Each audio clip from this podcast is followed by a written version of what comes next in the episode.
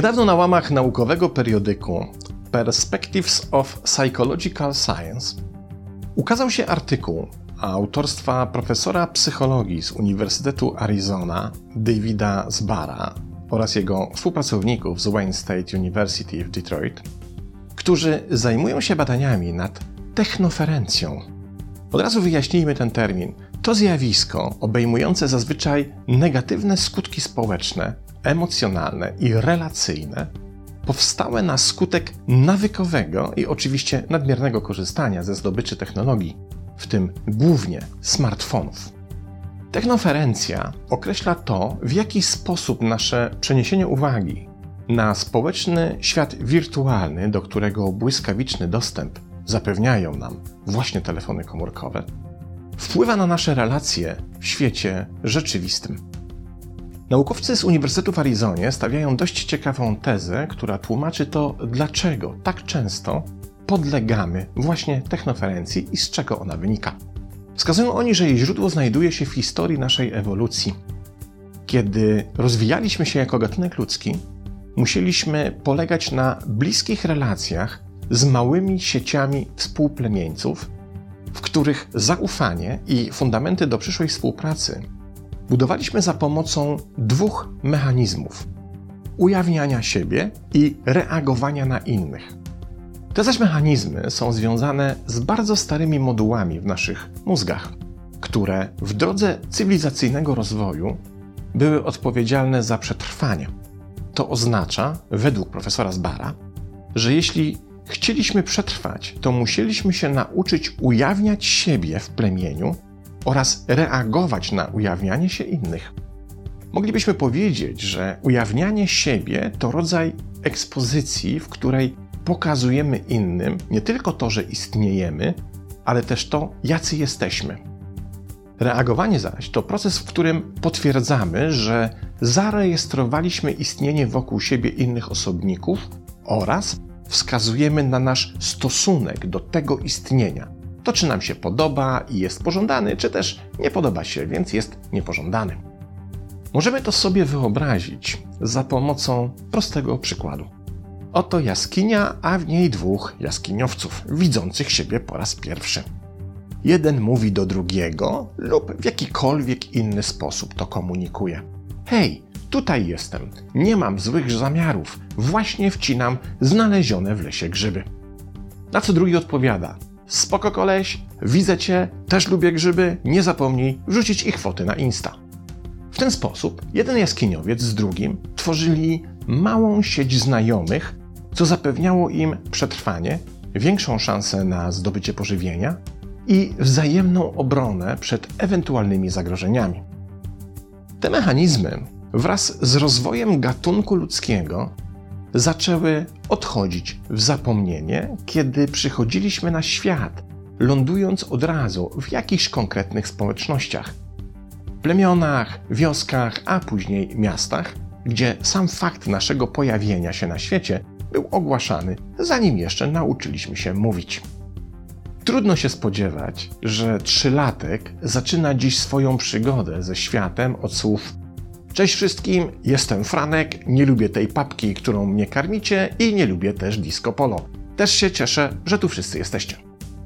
Przecież od trzech lat wszyscy wokół Franka już są świadomi jego obecności na tym świecie i zdążyli się też zorientować, że nie lubi tej papki i disco polo, bo w przypadku zetknięcia z obydwoma tymi przejawami rzeczywistości wydziera się, ile fabryka dała.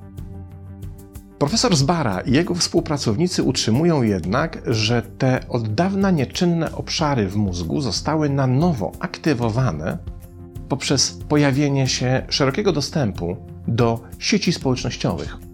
Bo właśnie kiedy sięgamy po telefon komórkowy i łączymy się z Facebookiem czy z Instagramem, wykonujemy to po to, by dokonać wspomnianych wcześniej operacji ujawnienia siebie i reagowania na innych. Dla naszego mózgu nie ma bowiem różnicy. Świat wirtualny wywołuje te same emocje, reakcje i aktywuje te same połączenia neuronalne, co nasza aktywność w świecie rzeczywistym. Jednak problem leży zupełnie gdzie indziej. Żeby to pokazać, przyjrzyjmy się przykładowi. Oto niech będzie duży już Franek, obecnie facet Agaty. Siedzi razem ze swoją partnerką na kanapie i grzebie w swoim telefonie komórkowym. Tu komuś coś polubi, tu się uśmiechnie do mema z kotami, tutaj obruszy się na zdjęcie jakiegoś kolesia z siłowni. Przewija ekran, czasem coś pisze, czasem klika lubię to, czasem coś skomentuje, czasem coś opublikuje. W ciągu tej kanapowej godziny Franek posłużył się procesami ujawniania i reagowania, które w dawnych czasach stworzyłyby mu sieć złożoną z co najmniej dziesięciu znajomych. W pewnym momencie Agata podejmuje z nim rozmowę, w reakcji na co Franek odkłada telefon i przez chwilę rozmawiają. Jednak już po kilku minutach wyciszony telefon reaguje wibracją, wskazującą, że pojawiła się jakaś nowa treść. Ktoś ze znajomych Franka właśnie ujawnił siebie lub zareagował. Franek mówi do Agaty: Czekaj chwilę, tylko sprawdzę. Po czym podnosi telefon, rzuca na ekran okiem, klika w lajka i odkłada go z powrotem na stolik, wracając do rozmowy z Agatą. Po trzech minutach znowu wibracja. Tym razem Franek, nie przerywając rozmowy, zerka na ekran i mówi: E, to nic ważnego. Za kilka minut akcja się powtarza i tak co rusz Franek albo coś komuś odpowiada, albo rezygnuje z działania, jednak nie rezygnując ze sprawdzenia powodów kolejnych wibracji telefonu. Teraz na chwilę zajrzyjmy do głowy Agaty. Co tam się dzieje? Otóż w jej głowie pojawia się koncept, że rozmowa, którą właśnie odbywa z Frankiem, nie jest rozmową dwóch osób, czyli dialogiem, tylko rozmową, w której uczestniczy jeszcze trzecia strona. Co więcej, ten trzeci uczestnik rozmowy co chwilę się zmienia, ale za każdym razem za pomocą wibracji domaga się od Franka, by ten zwrócił na niego uwagę.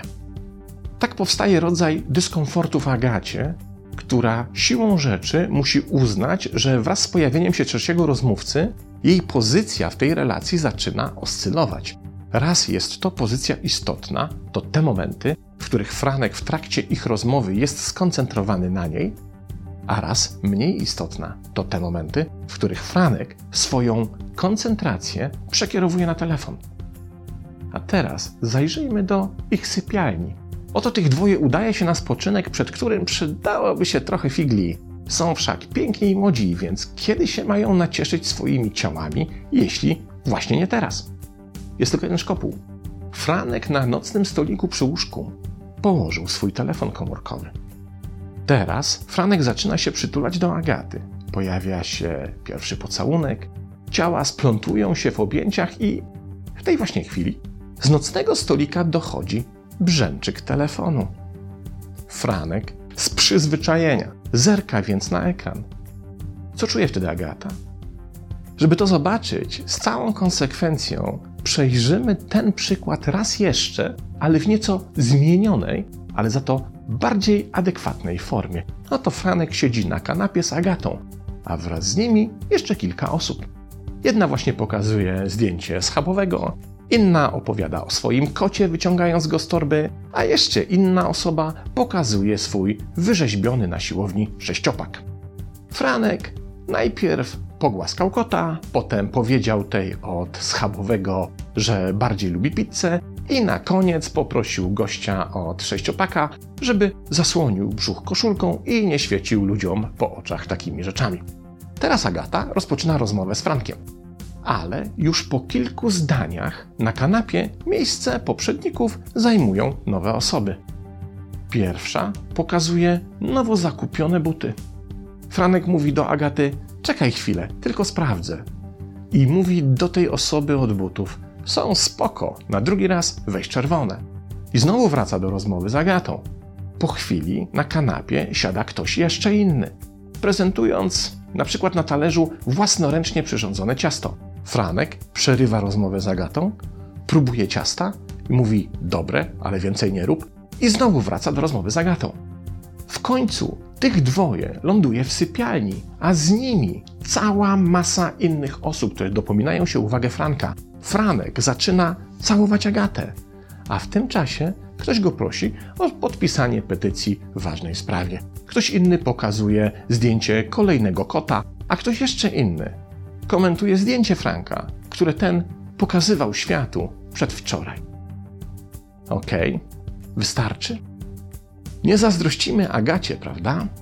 I niestety Agata to nie jest odosobniony przypadek. W badaniu, na które wskazuje profesor Zbara, aż 70% z przebadanych 143 zamężnych kobiet zadeklarowało, że telefon komórkowy zakłóca ich związkowe relacje. To nowe badania i pewnie już za chwilę zobaczymy, że w drugą stronę działa to dokładnie tak samo. Kiedy takiemu badaniu zostaną poddani mężczyźni w związkach.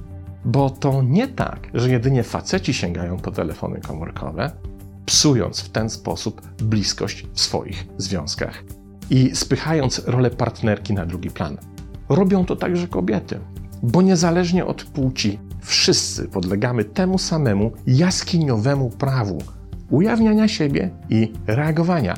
I paradoksalnie, to co w czasach pierwotnych miało nam zapewnić społeczną egzystencję w budowanych w ten sposób sieciach relacji, dzisiaj i owszem, buduje relacje sieciowe, ale jednocześnie dekonstruuje nam to, co łączy nas z najbliższymi.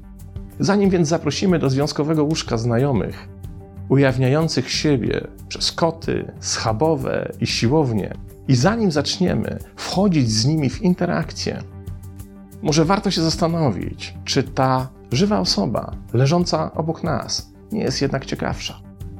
Pozdrawiam.